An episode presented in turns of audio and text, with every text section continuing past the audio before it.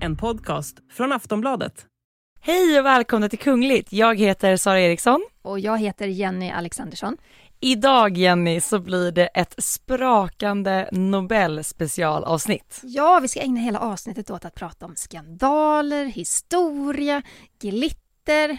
Klänningar, diadem och såklart den här pampiga Nobelmiddagen och hela Nobelfesten. Åh, så härligt. Det det här är ju någonting som ni har efterfrågat också, ni som lyssnar. Så nu kan vi frossa i glamour och kunglig pamp.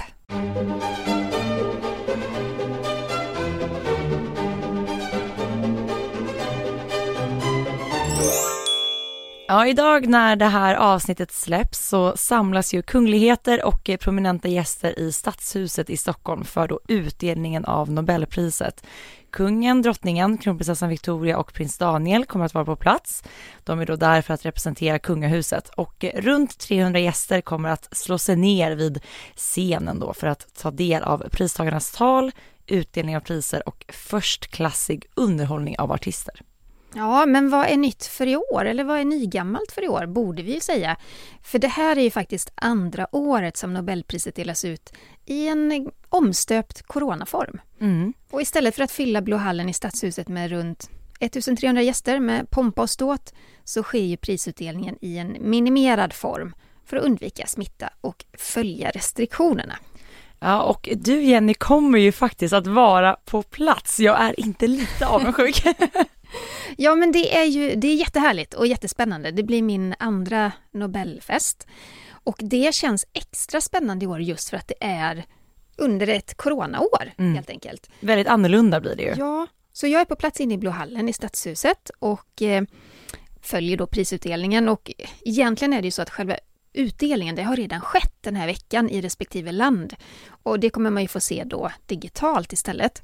Men man har delat ut pris i Tyskland, Storbritannien, USA, Italien.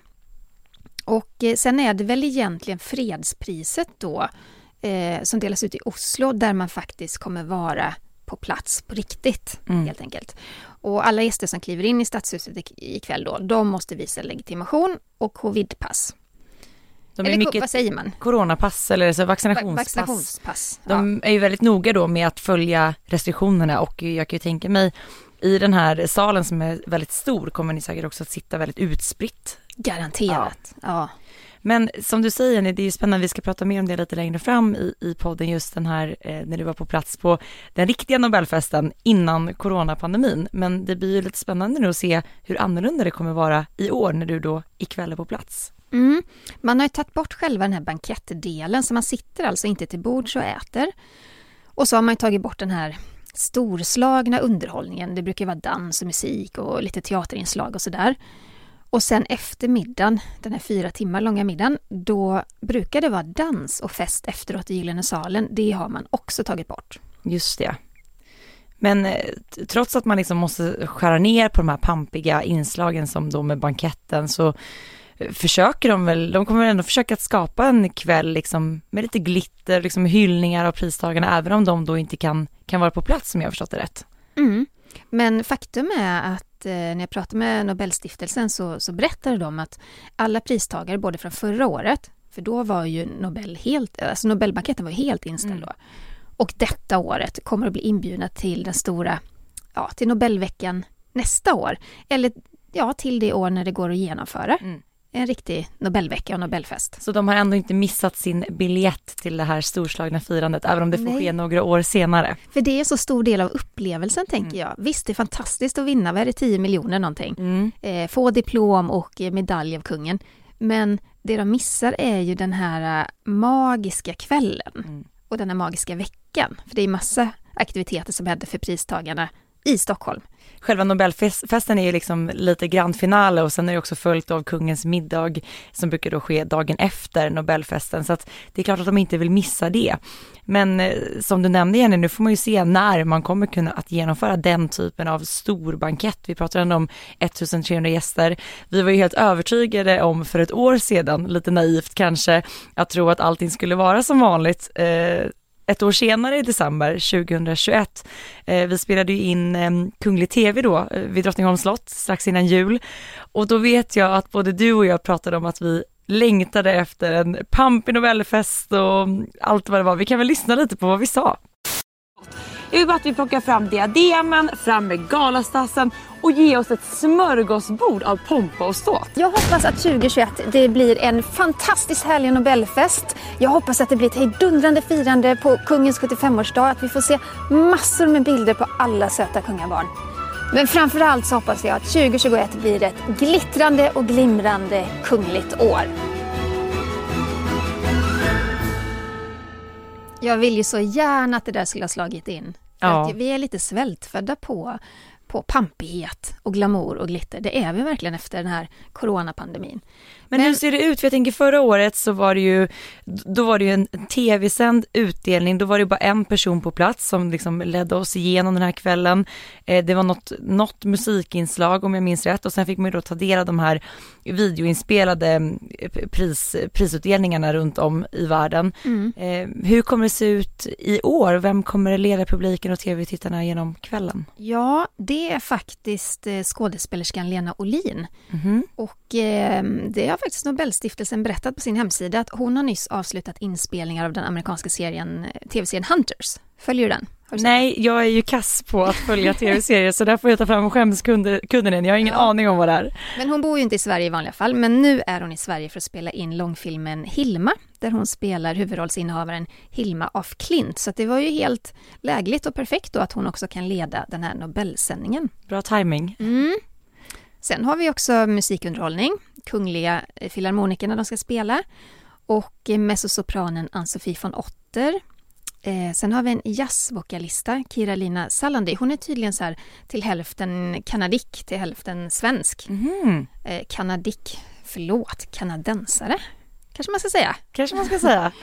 och eh, Bengt-Åke Bengan Jansson kommer spela dragspel och Karin Hammar kommer att spela trombon.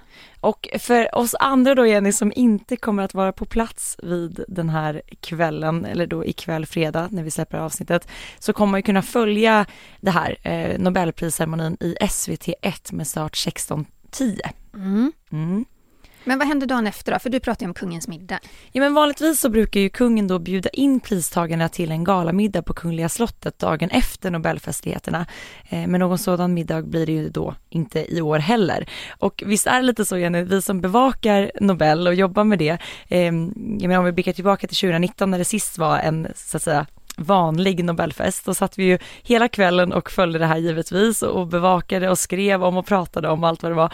Och så hinner man knappt landa dagen efter. Sen är det dags för den här kungliga middagen och då åker ju diademen fram igen och det är klänningar och väldigt, återigen en väldigt festlig eh, tillställning som man, som man måste bevaka igen. Så det är liksom ett två dagars event. Event, verkligen. Ja.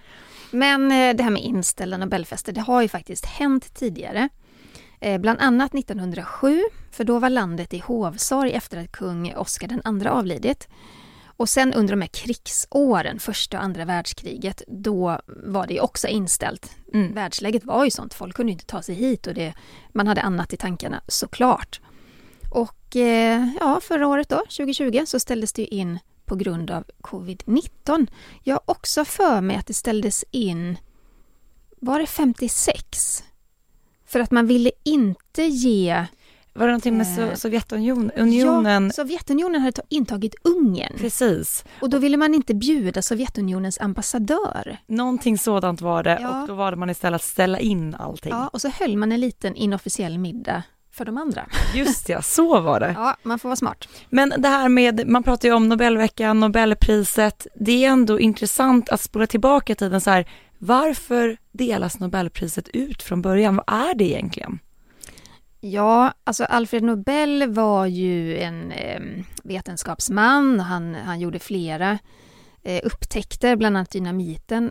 När han fick läsa om sin egen död i tidningen 1888 bestämde han sig för att använda sin stora förmögenhet till någonting gott. I själva verket var det inte han då såklart, utan det var hans bror som hade avlidit. Men den här händelsen satte spår i honom och det, det startade något i honom som gjorde att han, han ville ge något tillbaka till eh, efter, vad säger man, eftervärlden. Ja, och då i sitt testamente så donerade han 94 procent av sin förmögenhet till en fond då, som varje år skulle belöna personer som gjort mänskligheten den största nytta. Och så har det blivit.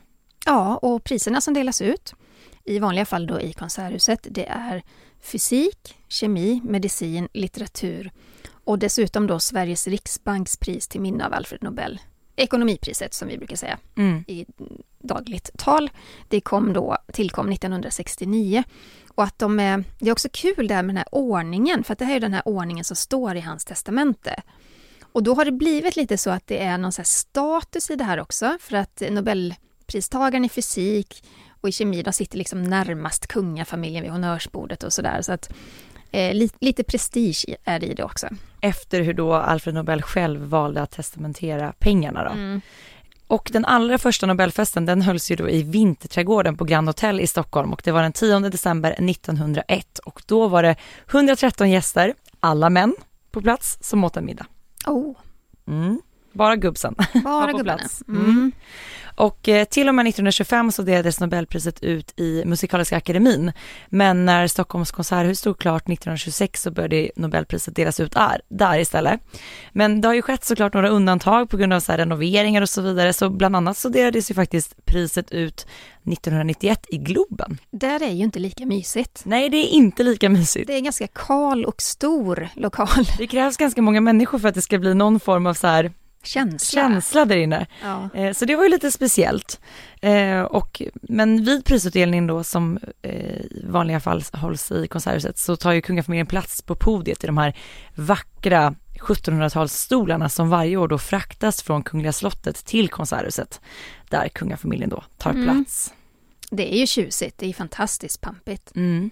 Men sen är det ju då, eh, ja, Nobelfesten är ju festernas fest. Det är ju verkligen en kväll som alla som deltar aldrig glömmer. Det är kungligheter, frasande sidenklänningar, glittrande juveler och den här enastående middagen för 1300 gäster. Förstklassig underhållning och musik och dans natten lång. Det är ju ett minne för livet, det säger ju alla som, som är där. Mm. Och eh, varje pristagare får ju då ta emot sitt pris. Det är en Nobelmedalj och så är det ett personligt handmålat diplom och det är kungen då som delar ut. Och ja, det brukar väl vara runt 10 miljoner kronor den här prissumman. Mm. Visst kan det, visst kan det stämma? Ja, men det är det, det sista som jag har läst i alla fall, så Mm. att jag tror att det stämmer. Och eh, då sitter ju också då kungligheterna tillsammans på den här scenen, det här podiet, tillsammans med pristagarna. Och som du sa Jenny så delar ju då kungen ut diplom och medalj till pristagarna. Så att eh, det är en väldigt så här, helheten i sig, det är så många olika moment. Men varje moment under de här dagarna är ju väldigt pampigt och väldigt Högtidligt högtidligt och- mycket historia bakom. Ja. Så jag kan verkligen tänka mig att det är väldigt häftigt att vara med Men om. varför delas inte fredspriset ut i Stockholm? Ja, men, ja, det är ju faktiskt en fråga som, som ofta dyker upp i samband eh, med Nobel. För att priserna delas ut i Stockholm med undantag just för fred, fredspriset som delas ut i Oslo. Eh, det var ju så att när Alfred Nobel skrev sitt testamente så var ju Sverige fortfarande i union med Norge. Eh, och det kan ju vara en förklaring till varför han ville att fredspriset då skulle delas ut just i Oslo. Och en annan förklaring som ibland lyfts fram är att Nobel ansåg att eh, norska politiker var mer engagerade i fredsfrågorna än vad svenska politiker var då. Mhm. Så det finns två lite olika alternativ där till varför det ändå fortsatt delas ut i Oslo. Ja, alltså hela den här eh, Nobel, alla Nobelfestligheter är ju otroligt spännande och det rymmer så mycket. Mm. Det är historia, det är nutid, det är upptäckter, det är vetenskap, det är kunglig glans och, och mm, ditt första minne av Nobel, vad, vad är det Sara? Nej men jag har ju alltid varit så himla intresserad av allt som rör kungligheter. Där och då när man var liten kanske det mest var liksom den kungliga närvaron och, och diademen som var allra me- mest intressant. Idag kanske man ändå förstår helheten på ett annat sätt. Men jag kommer verkligen ihåg när jag var kanske 8-9 år och satt och tittade på Nobel och, och prisutdelningen på alla diadem och vackra klänningar och än idag så kan jag verkligen minnas hur fascinerad jag var av drottning Silvias den här cerisrosa klänningen och sen de här rosa ädeltopaserna som hon bar vid Nobel 2003. Då var jag alltså nio år Mm. och kommer fortfarande ihåg det. Och också då minns man ju såklart prinsessan Lilians närvaro, för hon satt ju då ihop med kungafamiljen på podiet, Ja, ja men just det. gjorde hon. Hon var ju en del av, av, av det där ja. Precis. ja. Men det finns ju några andra så här tillfällen som man kanske minns lite extra Jenny, eller hur? Ja, ehm, 2019, och det var ju då den sista innan pandemin, Mm. eh, Nobelprisutdelningen och festen. Och då pratades det mycket om att kungen tog drottning Silvias stol. Just ja. Alltså, han sitter ju ofta och då, eller han sitter alltid höger om drottningen, men nu tog han stolen till vänster och så fick han då flytta över drottningens kudde, för hon, har- hon har en liten kudde bakom ryggen för att hon har hon har lite dålig rygg i, i svanken där. Så ja, var det, det måste ju vara någon plan där som kungen hade i sista sekund att han ville ta den stolen. istället. Ja, precis. Men jag, jag kommer ihåg då, man ser liksom på drottningens blick lite, hon kan ju liksom inte säga någonting när de Nej. tågar in där och, och kungssången spelas och, och allt vad det är, utan hon bara accepterar läget och inser att vi får nog göra en liten justering i efterhand. Ja, ja.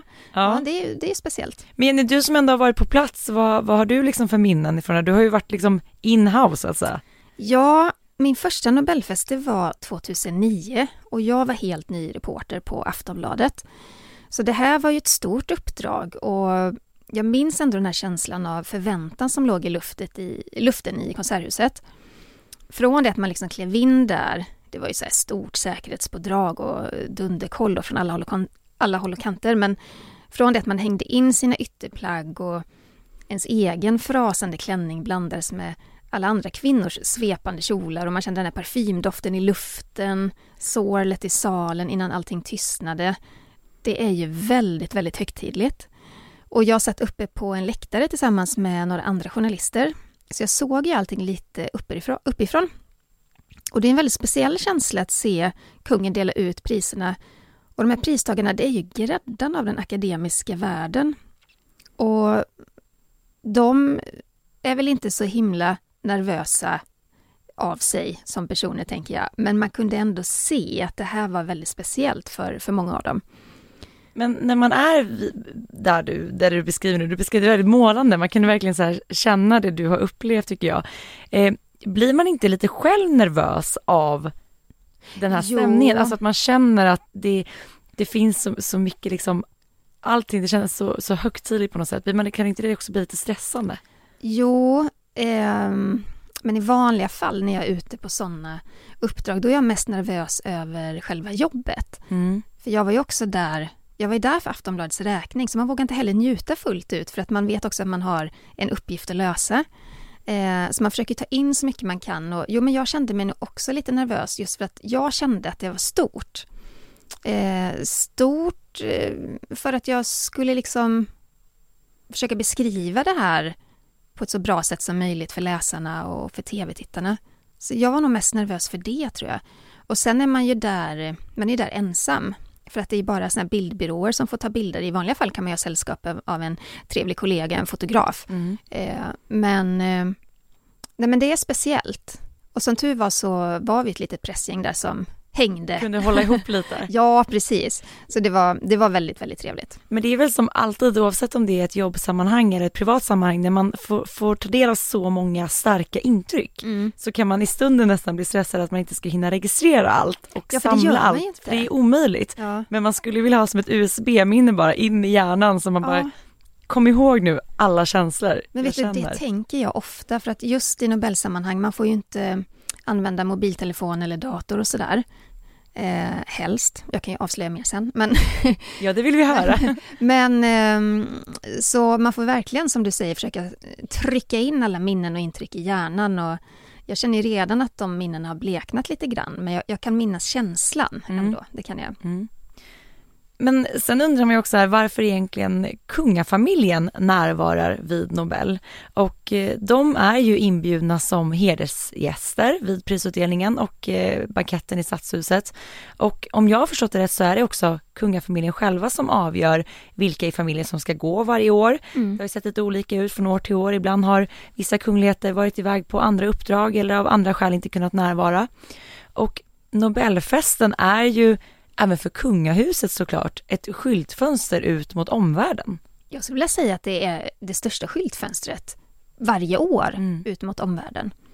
Eh, och ett viktigt tillfälle såklart att, att vara där. Eh, och inte bara för att synas själva, det kanske är det sista de tänker på, men för att hedra pristagarna Mm. faktiskt. Men det är ju många som tror att det är kungafamiljen som lite grann håller i den här Nobelbanketten. Så är det ju verkligen inte. Utan det är som du säger Sara, de är ju också inbjudna som gäster. Som hedersgäster får de gå dit och Mm. närvara. Och det är ju lite så här skralt med tillfällen i Sverige där just de här allra vackraste klänningarna och smyckena plockas fram. Och därför tycker jag det är så kul att vi fortfarande har det här i Sverige. Att det, liksom, det finns i alla fall en gång om året där det verkligen maxas. Ja. Det är ju underbart. Ja men det är det. Och det är därför ni lyssnar på den här podden också. Vi ska inte sticka under stol med att det är pristagarna som står i centrum. Men vår podd har fokus på kungligheterna. Exakt. Men när då prisutdelningen är avklarad så är det ju dags då för den här festen och alla pristagare och kungligheter och gäster och skjutsas ju till stadshuset på Kungsholmen. Och det är ju egentligen här som liksom festligheterna börjar. Mm, Och Jenny, där har ju du också varit med. Vi vill liksom höra nu. Hur ja. har det varit? Eh, som sagt, det var 2009. Mm. Om jag minns rätt så bussades vi mellan Konserthuset och eh, Stadshuset. Eh, det låter lite eh, tråkigt kanske, men, men det var det inte alls. För tänk er de här vackra damerna som kliver ombord och de fracklade herrarna. och det, det var lite slaskigt kommer jag ihåg, så att alla försökte verkligen så här, hålla uppe kläderna så att det inte skulle doppa Ja. i marken. Det här brunslasket vill man ju gärna inte lägga den nya klänningen i. Nej. Och sen är det ju en fantastisk känsla att kliva in genom portarna till Stadshuset. Det är ju så vackert där inne. Och det var, det var tända marschaller och det var ju röd matta. Och så får man ju då hänga av sig ytterkläderna i garderoben. Man får ta emot ett program och en liten guide till vilket bord man ska sitta vid. Och här minns jag att jag var nervös när jag kom in. Och I själva stads, när du klev in i när stadshuset. jag, ja, när jag klev in där. För att det var ju mycket det här att, att jag var där ensam. Jag hade aldrig varit på en Nobelfest. Hur beter man sig? Vad kommer hända? Så jag hoppades ju hela tiden, men åh gud, hoppas jag får sitta med några trevliga personer så att det är lätt att umgås. Mm. För det är ju trots allt fyra timmar man sitter tillsammans.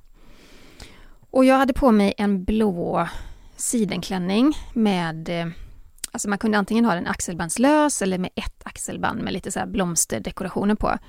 Och så hade jag fått håret fixat av Anna, en makeupartist som jobbade på Aftonbladet då. Och hon satte upp håret på mig och jag var verkligen så här, hon hade preppat mig till, hade förberett dig för det här till stora. att bli färdig för att jag skulle också bli intervjuad av SVT under kvällen. Så jag ville vara säker på att jag inte skulle behöva tänka på allt det där hur man såg ut utan bara fokusera på vad jag skulle säga. Hur såg det ut då till exempel när, när du valde klänning inför, inför den här kvällen? Mm. Jag, jag kommer ihåg att jag ringde till Milagro de Narin, alltså Narin som har den här butiken Milagro de Narin. På Karlavägen ja? Ja, Ja, precis. okej. Och eh, hon är ju en, ja hon är helt fantastisk. Eh, hon välkomnar en med öppen famn och bara, ja men jag har det perfekta till dig. Och så fick jag komma dit och prova lite och så, och det var verkligen den här blå som hon hade valt ut Mm. också då som satt som en smäck, den fick jag ta.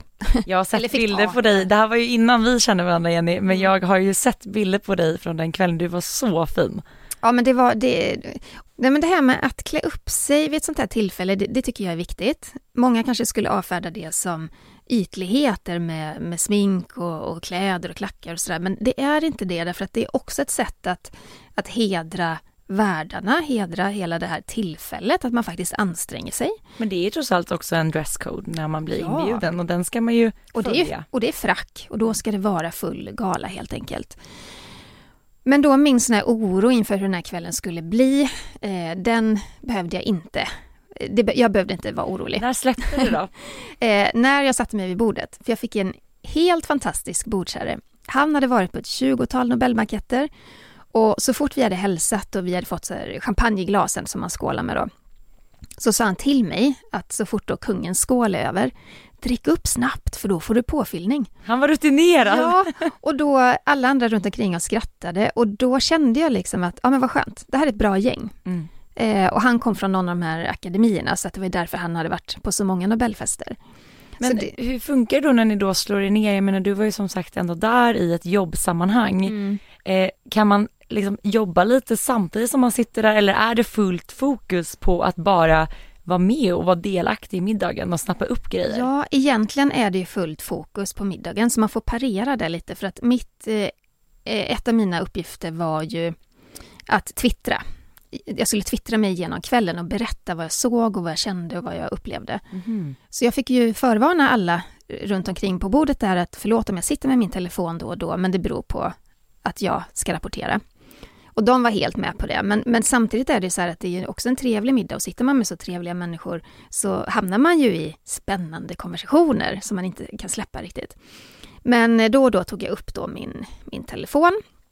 Och eh, alltså redan 2009 så tror jag ändå att det rådde ganska strikta regler kring mobiltelefoner och sådär. Men det var ju också så att det gick ju inte att hindra därför att eh, tänk alla de här pristagarna, de får ju ta med är det 11 gäster eller sånt där Mm, jag tror det är något sånt där. Och du vet deras anhöriga och, och släktingar och sådär, de sitter med mobilerna hela tiden för att det är ju minnen som de vill för, eh, spara såklart. Det där måste ju också ha blivit svårare med tiden. Jag menar, Ja. förut skulle man plocka fram en kamera, idag har man ju det tillgängligt i sin telefon och Ja, kan snabbt eh, liksom göra allting viralt och socialt. Så att det kanske man har släppt lite på, jag vet inte hur det ser ut. Ja, nu är det ganska strikta regler på Nobelfesten ikväll och det, och det är ju för att man sitter, det är en sittande publik. Mm. Eh, och, och, och det kommer ju filmas och då ser det ju jättekonstigt ut om någon tar upp sin mobiltelefon och börjar knattra. Såklart. Det, Ja, det är oförskämt, ja, så det går ju inte. Men eh, då vid middagen, då är det med, med över tusen gäster så, så funkar det ändå. Och maten, vi måste säga något om maten. du har ändå upplevt en Nobelmeny. hur var det? det? Eh, fantastisk. Totalt fantastisk. Jag kan inte minnas vad det, vad det var för rätter. Men jag, minns, men jag minns att det var, jag borde egentligen ha tagit fram det men, men det är så många år tillbaka. Men jag minns att det var i glass då som det brukar vara till efterrätt. Och lite maränger och sånt där, fantastiskt. Eh, jag minns att jag njöt av det otroligt mycket och, och så får man då liksom goda viner till och ja, det kanske gjorde att jag jobbade lite bättre, jag vet inte. Det tror jag. Kreativiteten flödade och Ja. helt plötsligt kom ihåg alla intryck. Ja. Jättebra. Men, eh, jo, men min bordsherre berättade också att det är många då av de här gästerna som vill ta med sig ett minne hem.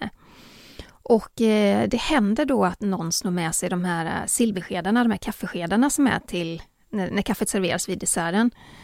Eh, jag ville också ta med mig ett minne hem, men jag skulle aldrig drömma om att slå med mig en kaffesked. Där gick din gräns. Eh, där gick min gräns. Men däremot hade de då lagt ut på bordet otroligt fina eh, guldmedaljer med choklad inuti, som så godismedaljer, fast då så exklusiva med Nobels ansikte på. Så, så några sådana eh, slank ner i väskan och alla var ju välkomna att ta med sådana hem. Undrar vart de tar vägen? Undrar var de ligger hemma? Jenny, Ja, det måste du ha koll på. ja, det var ju choklad. Den är säkert gammal och, och rutten nu, men jag, bo, jag har ju säkert sparat dem någonstans. Ja men det har du ju. Frågan Ja. är bara var. Ja, men precis. Men det är också så här, ja, silversked, jag förstår, det hade inte jag heller vågat. Var, var går då gränsen? Börjar här plocka med sig blomsterarrangemanget, vaser, Porslinet. Ja det hade ju varit något. Ja. Ja men lite choklad fick följa med Ja, hem i din jag. väska. Och Men- sen, sen var det då dans efter maten. Var du med där? Ja, gud ja. Det är en stor del av jobbet. Mm. Eh, men på Aftonbladet är det så att ett av uppdragen då vid Nobel, det är att dansa med statsministern. Och 2009 så var det ju Fredrik Reinfeldt som var statsminister. Och det här ska då, det ska generera en bild som ska vara stort på, i tidningen. Ja. Det blev ingen dans kan jag säga. Han var, nej men han var så upptagen.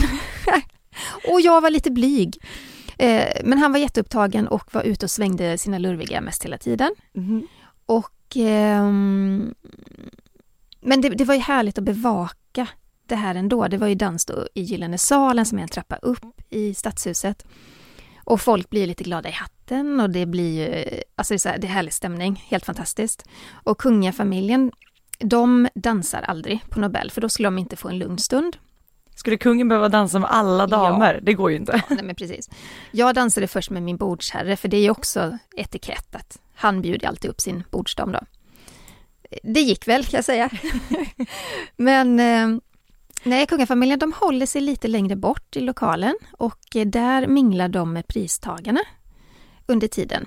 Så pristagarna kan liksom bli kallade till att ha en liten pratstund med, med kungafamiljen där. Ja, de placerar sig väl i prinsens galleri då med pristagarna och det handlar väl om lite att, som sagt, ge dem lite mer utrymme och lite mer tid till att prata med pristagarna liksom Ja. efter då den här festen. Och sen som sagt så slipper också kungen dansa med alla damer vid middagen. Och det kan, Mm. annars skulle han få hålla igång till morgonen därpå. Ja, men visst. Ja. Så är det. Men det är lite speciellt där med Gyllene salen. Den, det är en fantastiskt vacker sal. Eh, Ja men det är ju en otroligt vacker och pampig sal. Väggarna prys ju där av 18 miljoner glasbitar i bladguld och det man ser ju så här olika händelser i Stockholms historia. Och eh, det var ju faktiskt NKs grundare, Josef Sachs, som donerade pengarna till väggarna 1920. Så att det är en, det ihop med alla de här levande ljusen, det måste bli ett otra- alltså otroligt sken där inne. mm. Mm. Alltså 18 miljoner glasbitar med guld, det är Vad är en Imponerande. billig, billig ing- vägg? ingen billig vägg. Nej, nej men jag har ju aldrig varit på plats vid Nobel, eh, tyvärr. Men däremot har jag alltid följt det hemifrån. Och eh, jag har alltid försökt att göra det lite högtidligt, att man liksom kanske äter lite extra god mat. När man har blivit äldre kunde man dricka lite bubbel i samband med Nobel. Idag eller ikväll då när, när det här avsnittet släpps så är det ju trots allt fredag. Jag tänker att man kanske kan lyxa till lite extra Ja. medan jag sitter och följer det här. Och jag är ju verkligen en porslins och dukningsnörd. Och därför tycker jag att det är så spännande varje år. Det är alltid olika teman eh, vid dukningarna och, och så här. Och det är så otroligt häftigt att se de här blomsterarrangemangen eh, och hur ofta kungligheten har tänkt till lite gällande sina kläder kopplat till liksom temat. Eh, den här Nobelservisen skulle jag inte tacka nej till, så att jag gillar ju liksom alltet, allting runt omkring. Och jag tycker att man ska lyxa till det lite extra själv på Nobeldagen. Det är Ja. man värd. Ja men verkligen. Och det är lite, vi måste ta lite så roliga fakta kring Nobel. Eh, som, som är lite oväntat faktiskt. Ja, det är faktiskt otroliga siffror man får ta del av. Ja, vi har ju sagt innan, 1300 gäster. Det är Mm. inte dåligt. Nej, och till de här 65 borden då i Blå hallen så används cirka 500 meter linneduk och 9540 delar porslin. Till det då 5400 glas och 9450 bestick.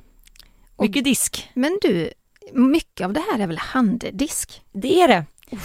Det är väldigt mycket av det som används vid Nobel som ska handdiskas. Så när gästerna går hem, då går inte personalen hem? Det tror jag inte de gör, Nej. utan då, börjar, då är det bara att ta tag i det här stora diskberget.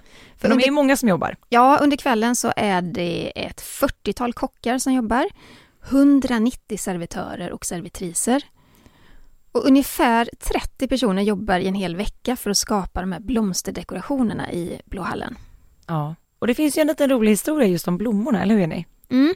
De doneras faktiskt från San Remo i Italien och det var ju där Alfred Nobel levde de sista fem åren. Mm. Och en blomma som ofta återkommer då under Nobelfirandet ända sedan 50-talet, det är nejlikan. Den är tydligen väldigt tålig. Det är ett säkert kort att placera den kanske så att den verkligen håller inne på småtimmarna. Ja. Men förra året, eh, 2020, så kunde ju inte blommor då levereras från Italien eh, vid eh, prisceremonin då eh, på grund av pandemin. Så frågan är hur det blir i år. ja, jag antar i och med att det är ett lite större event detta året jämfört med förra året, att man ändå lagt lite krut på, på blommor och arrangemang och sådär. Det ska bli jättespännande att se.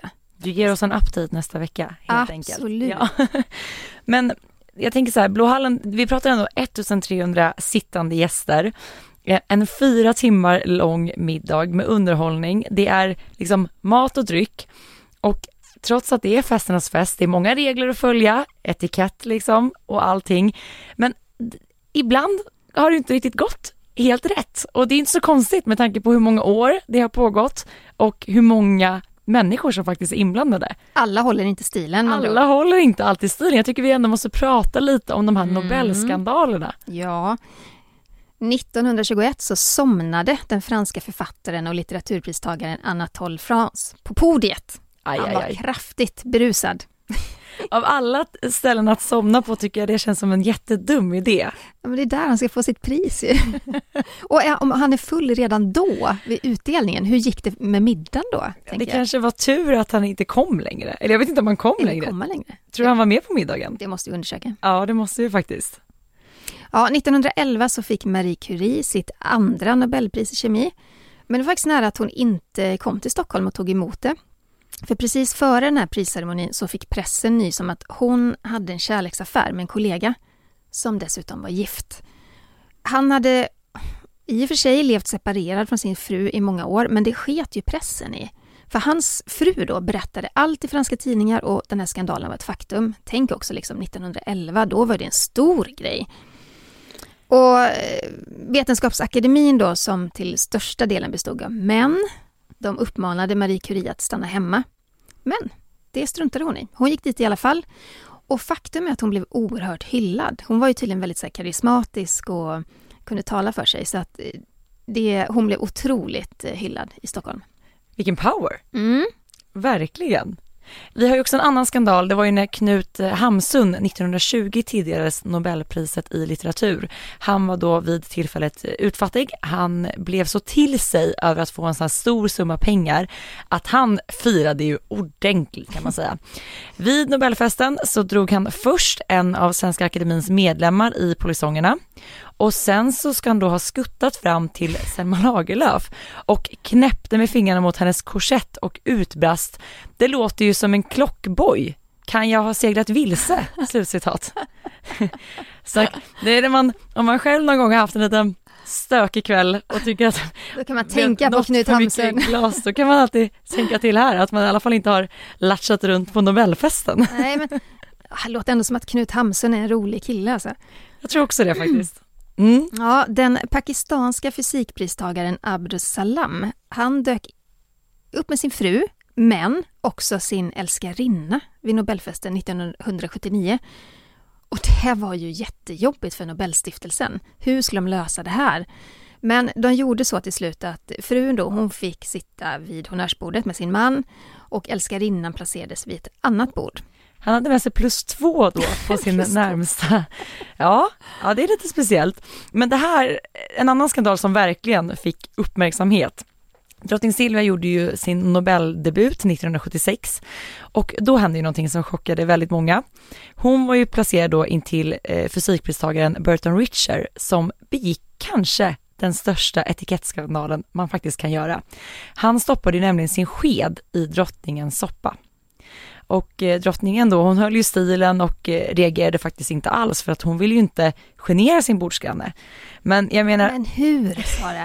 hur kan man komma på tanken att jag tar min sked här som jag ätit med och så stoppar jag den i din mat? Det var framförallt innan pandemitiden, för det hade nog jag tror man hade reagerat lite starkare idag om någon stoppar ner sin sked man haft i munnen i en tallrik. Ja. Men eh, där är det också så tydligt att, att man som sagt kunglighet alltid håller Stilen. stilen, liksom att inte då göra honom generad, även om jag kanske tycker att han i det här fallet var värd det, med tanke på att det känns oerhört oförskämt att Mm. stoppa ner sin sked i drottningens soppskål. Jag kan ha fel nu, men, men eh, drottning Silvia är ju väldigt bra på att avstyra eh, genanta situationer. Jag kan ha fel, men jag har ett minne av att någon har berättat att vid något tillfälle också en tjusig middag så hade en av eh, eh, damerna vid bordet lagt sin handväska på bordsduken, alltså på bordet, och det ska man ju inte göra. Och då hade drottning Silvia själv tagit upp sin lilla handväska och lagt även den på bordet. Just det. Just för att ta bort det genanta i situationen. Det är väldigt fint. Det är väldigt fint eh, och jag tycker det säger ganska mycket om drottning Silvia. Mm. Verkligen. Eh, en annan liten rolig incident var ju 1991 när kungen blev påkommen med att smygröka under Nobelfesten. Just det, ja. Kommer du ihåg det? Ja, men det fångades ju på film. Det var Gert Fylking, tror jag, som hade varit där och rapporterat. Och det här videoklippet, det är ju en riktig klassiker. Det ligger fortfarande på Youtube och massa sajter. Och kungen var inte alls road av att bli påkommen på bar gärning. Så han försökte liksom snabbt ta bort cigaretten från munnen. Men så hade den fastnat lite på hans läpp. Just så han får verkligen rycka till Han får liksom ska... rycka till i, i cigaretten. Ja, Ja, det kanske inte var så kul att liksom bli fångad på, på rullande band Nej, och inte röka heller. Jag, jag tror inte att han gör det längre. Visst har han slutat att röka för ganska länge sedan, kungen? Ja, men det, det, tror jag. Ja. Det tror jag. Eh, en annan incident var ju 2003 då dåvarande statsminister Göran Persson eh, var givetvis gäst på banketten. Under middagen tog han helt plötsligt fram sin mobiltelefon och började prata. Alltså han sitter lite så här neråtvänd med Mm. telefonen för att, som att ingen ska se det. Alla såg ju såklart Alla det här. det. Och han hade ju då kronprinsessan Victoria till bordet. Och hon så här försökte ju titta bort lite diskret och ja, men inte göra en stor grej av det hela. Och det här fick ju såklart jättestor uppmärksamhet och Göran Persson då försvarade sig senare med att berätta att han var tvungen att svara för att det handlade då om samtalet om EUs nya grundlag. Eh, Men ska man ta det samtalet på en Nobelbankett? Jag vet inte, jäkligt dålig timing. Ja, verkligen. För det har vi pratat om. även sent om, på kvällen också. Sent, väldigt sent och även om middagen är fyra timmar lång så är det så här, man lämnar inte bordet. Nej. Och man svarar framförallt inte i telefon vid bordet. Nej, och, och speciellt vid honnörsbordet, där, där går man inte ifrån. Jag, för jag vet att eh, runt om i salen så kan ju kan man smita ifrån diskret om man behöver gå in på damernas eller herrarnas. Eh, men det är typ ingen vid honnörsbordet som lämnar Nej. bordet under de här fyra timmarna. Och det kan ju vara tufft. Gud ja! Jag hade nog haft svårt att sitta still så länge. Men 2014, eh, då tog pristagarfrun Kasumi Amani upp sin kamera under baketten för att fota maken på andra sidan bordet. Vi pratade om det här nyss, just det här med att Eh, man ska helst inte ta massa bilder eller använda sin telefon och sådär. Men också de här an nära anhöriga. Det är ju jättestort. De vill såklart föreviga det här ögonblicket. Så jag kan inte bli arg. Alltså, Nej. vem kan bli arg? Nej, men det var också lite roligt för det, hon drog ju verkligen upp så här en som klassisk digitalkamera och först fotade hon ju själv och fångades givetvis själv på bild hon gjorde det här. Men sen överlåter hon också kameran till de som, sitter mitt emot henne. Så här, kan du ta en bild på mig? Så det var liksom åt båda hållen. Jag tyckte bara att det var det är lite så här oblygt och lite charmigt på något sätt. Ja, tycker jag. Ja men verkligen. Ja. Jag tror man också har större tolerans för det idag. Ja, det tror jag. Det tror jag. Men vi måste ju prata lite om klänningarna och juvelerna. Ja. Eh, det är ju väldigt speciellt med Nobel att det är full gala som gäller. Klädkoden är frack och då ska man ha en klänning som gärna sveper över golvet. Man kan plocka fram de allra tjusigaste juvelerna, de dyrbaraste diademen och verkligen gå all in. Mm. Ja, det är väldigt, det är kul tycker jag. Och man har ju ändå några så favoriter från åren. Vi kan i alla fall gå igenom några, Jenny. Mm. Vilken är din favorit på Victoria? Det är så svårt att välja, men om jag nu måste välja en så skulle jag nog säga den här isblåa klänningen som kronprinsessan Victoria bar 2017. Den var ju så lite hög krage, den hade ingen ärm och den hade ganska mycket så här väck i livet. Eh, klänningen designades ju av Jennifer Blom och kronprinsessan matchade det väldigt snyggt med eh, Serafimorden i ljusblått givetvis och sen en klatsch i samma färg från Valentino och sen akvamarindiademet. Mm. Så det här var ju bara full pott tycker jag och dessutom var ju temat 2017 då is och Arktis. Oh, det passar Kommer du ihåg att det var nästan som så här is, ehm, eh, vad säger man? Skulpturer. Skulpturer ja. utplacerade på bordet som ja. var upplysta. Så de hade ju nästan samma färg som kronprinsessans klänning. Det tyckte jag var så snyggt. Ja men verkligen. Vilken är din eh, kronprinsess favorit? Nej men då går jag tillbaka till 2009 då när jag var med. Eh, då bar hon en mörklila klänning från Elisab. Den var helt sagolik, alltså den, var så, den var så väldigt speciell. Det var, en, det var liksom en V-skärning fram i dekolletaget eh, och så hade hon en stor blomsterapplikation som startade då vid höger axel där bak och så löpte den ner över ryggen på ett så otroligt elegant och tjusigt sätt och så var den, man hade inte sett något liknande innan. Väldigt smal i siluetten och så ett litet draperat släp. Den var ju full pott alltså. Men det är en typisk sån klänning tycker jag som, som gör sig så mycket mer live och i rörligt för när man ser den på bild så ser den inte riktigt så pampig ut som mm. den gör när man ser den i rörligt format. Nej, det är nej, verkligen det en sån klänning. Ja. Den är jätte, jättefin. Men sen har jag en annan favorit också och eh, 2006 så bar Victoria en röd klänning med eh, spetsapplikationer som Lars Wallin gjorde. Och den, den var väldigt så här, nätt upp till med axelband och ett eh, men, mycket snyggt dekolletage. Och så skimrade tyget lite grann i toner av rött och lila. Och jag tycker om den så mycket och jag, jag vet att kronprinsessan också tyckte om den för hon har använt den flera gånger. Eh, hon hade den under ett besök i Australien. Eh, tror det var samma år eller något år dessförinnan eller efter. Hur som helst, när hon gjorde entré då på den här galamiddagen så gick det som ett sus bland gästerna. Och det var för att den, den fångar liksom ljuset i rummet på så otroligt snyggt sätt. Och att hon passar ju också i, i rött, hon var helt magnifik. Hon är väldigt fin i rött tycker jag. Ja, och jag var med på den resan och jag var med på den galamiddagen och det var verkligen så här, herregud. Om hon om hon kan bära upp den klänningen med så lite effort, Mm. ja, vad ska det inte bli då framöver? Framöver, exakt. Mm. Mm. Men din favorit på Madeleine då? Hmm. Ja, jag tycker, alltså 2016 så gjorde hon entré i en eh, riktigt så här puderrosa prinsessdröm, tycker jag. Det var en kjol skapad av Fadi El Curie och det var ju då 14 000 handsydda broderade blommor i den här kjolen som matchades då med en överdel i puderro- puderrosa sidan. Och till det bar hon ju prinsessan Sibyllas briljantdiadem. Jag tyckte bara, det var väldigt så här, det föll mig verkligen i smaken. Den var maffig. Mm. Kjolen, i och med att de här handbroderade blommorna, det blev så mycket volym i kjolen. Så den var liksom väldigt voluminös liksom hela vägen. Mm. Och sen då var det så snyggt tycker jag att man då till den här pampiga kjolen bar liksom något ganska enkelt upp till, liksom ganska så här nedtonat, enkel siden. Och Visst var den lite så transparent? Ja, nästintill faktiskt. Och sen då det här jättefina diademet och sen hade han lite så här slarvig, eh, elegant håruppsättning till det. Så det, det tyckte jag var, det är en av mina favoriter. Har du någon eh, Madeleine-favorit? Ja. Mm. Hon, jag tycker att hon passar i pasteller. Alltså Mm. det där rosa var ju jätte, jättesnyggt. Men 2015 så bar hon en isblå klänning designad också av Fadi El Khoury. Och den är långärmad med en transparent ärm i spets. Väldigt hög halslinning och så klädda knappar som gick då liksom från, ja, från halsen ner till midjan. Ganska rak i modellen men man, man såg också att det var mycket tyg ändå i den här klänningen. Lite så här Grace Kelly-inspirerad nästan. Ja men verkligen, Mm. fast mer stram. Mm.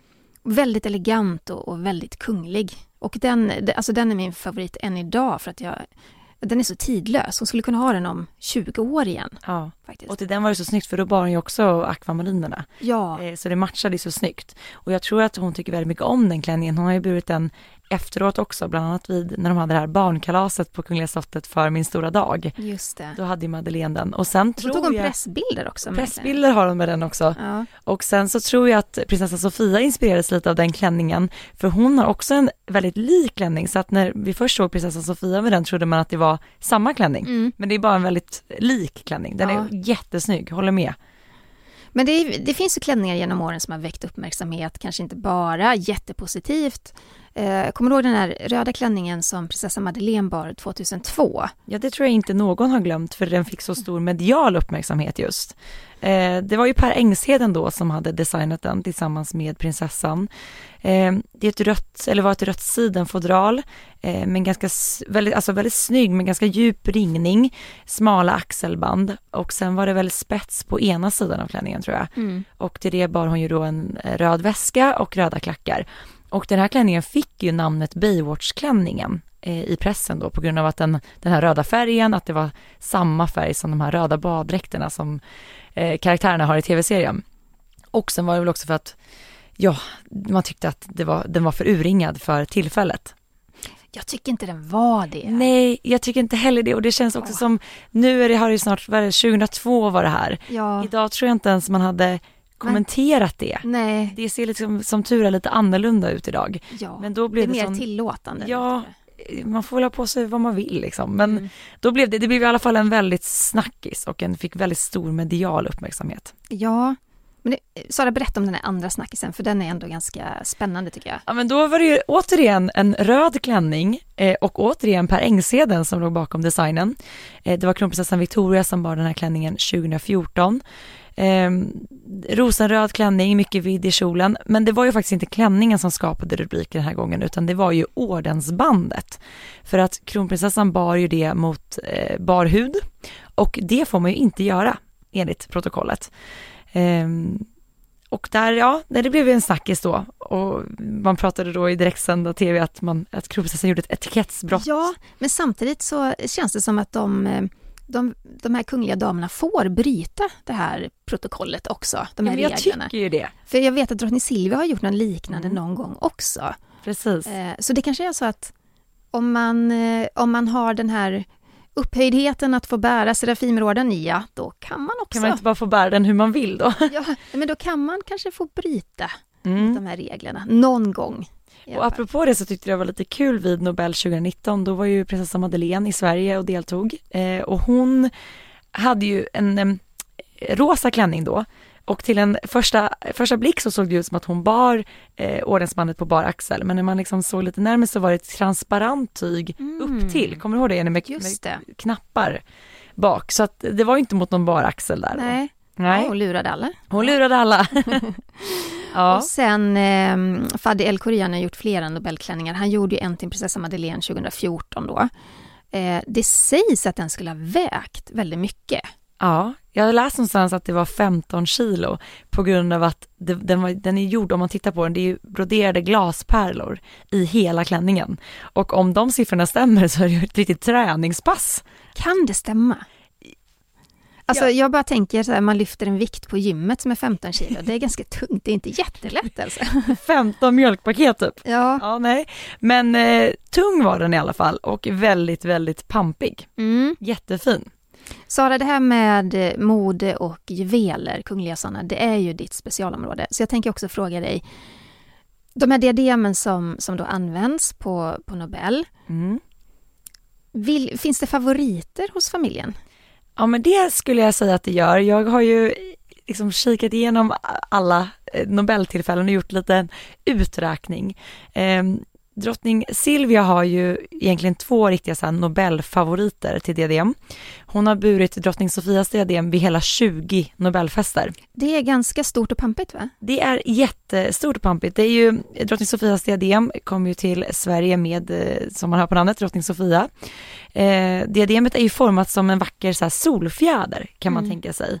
Eh, och drottningen bar även det vid sin Nobeldebut 1976. Och jag minns att drottning Silvia själv berättade i den här serien Kungliga smycken som gick på SVT att eh, ja, hon berättade att det är ett mycket vackert diadem men att det är väldigt svårt att bära.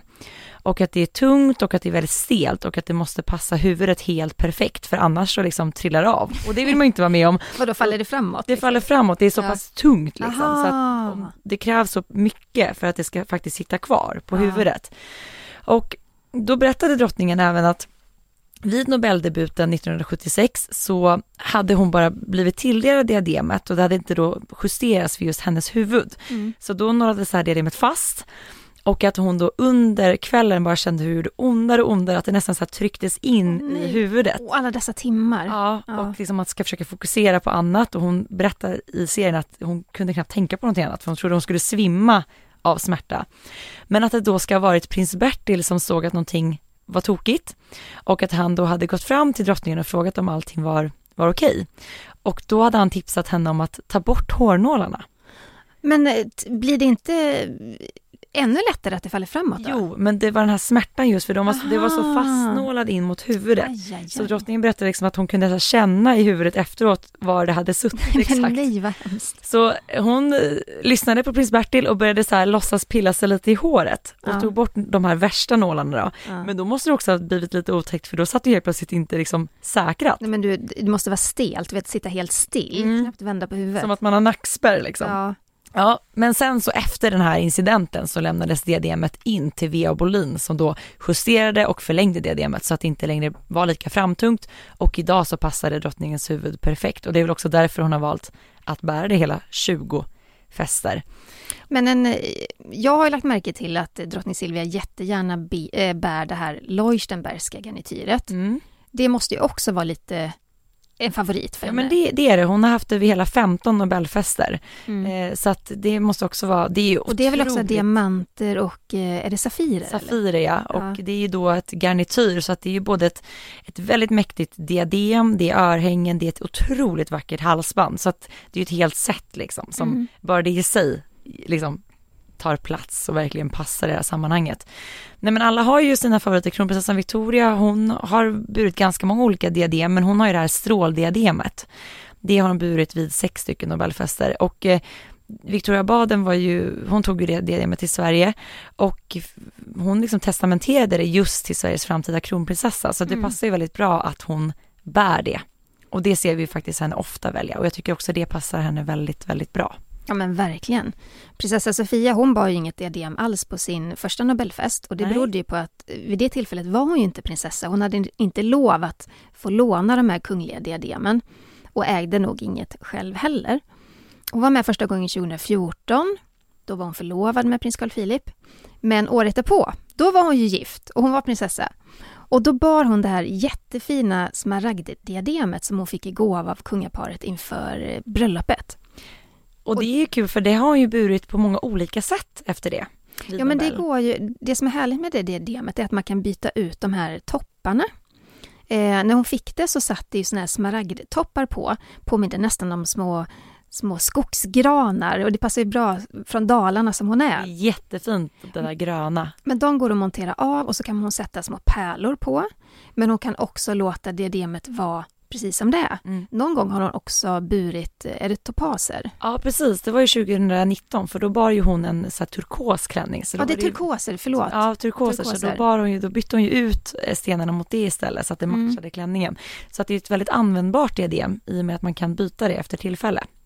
Så härligt. Jag, jag nästan känner att kvällens Nobelfest, den kommer bli underbart härlig. Men åh vad man längtar till den här riktiga banketten med 1300 gäster och pampig underhållning. Ja, Ja. alltså det, är- det är ju ett minne för livet. Det är ju det. Men jag tänker att det kan bli det ikväll också i och med att det är just en pandemi-Nobelfest. Mm. Och det är ju också historiskt. Det är ju det på något vis. Och det är så kul att du kommer vara på plats Jenny. Vi vill ha en uppdatering från dig nästa vecka och vi andra får följa Nobelsändningen på tv och ha det lite extra festligt och härligt ikväll.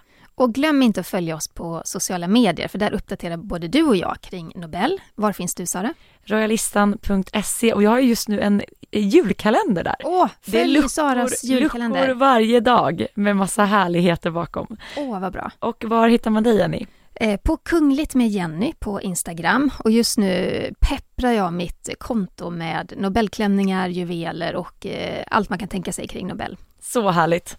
Tack snälla för att ni har lyssnat på veckans avsnitt av Kungligt. Vi hörs igen nästa vecka. Det gör vi. Hej då! Hej då!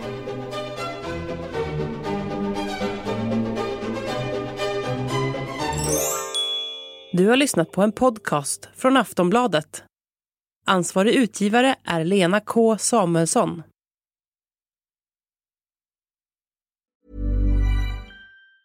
Say hello to a new era of mental health care.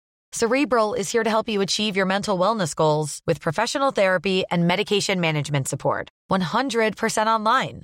You'll experience the all new Cerebral Way, an innovative approach to mental wellness designed around you. You'll get a personalized treatment plan from a therapist, prescriber, or both in a safe and judgment free space.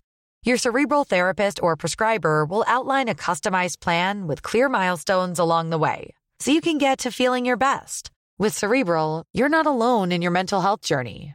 We're here to empower you to live a fulfilling life. So take that first step towards a brighter future and sign up today at cerebral.com slash podcast and use code ACAST to get 15% off your first month. Offer only valid on monthly plans. Other exclusions may apply. Offer ends July 31st, 2024. See site for details.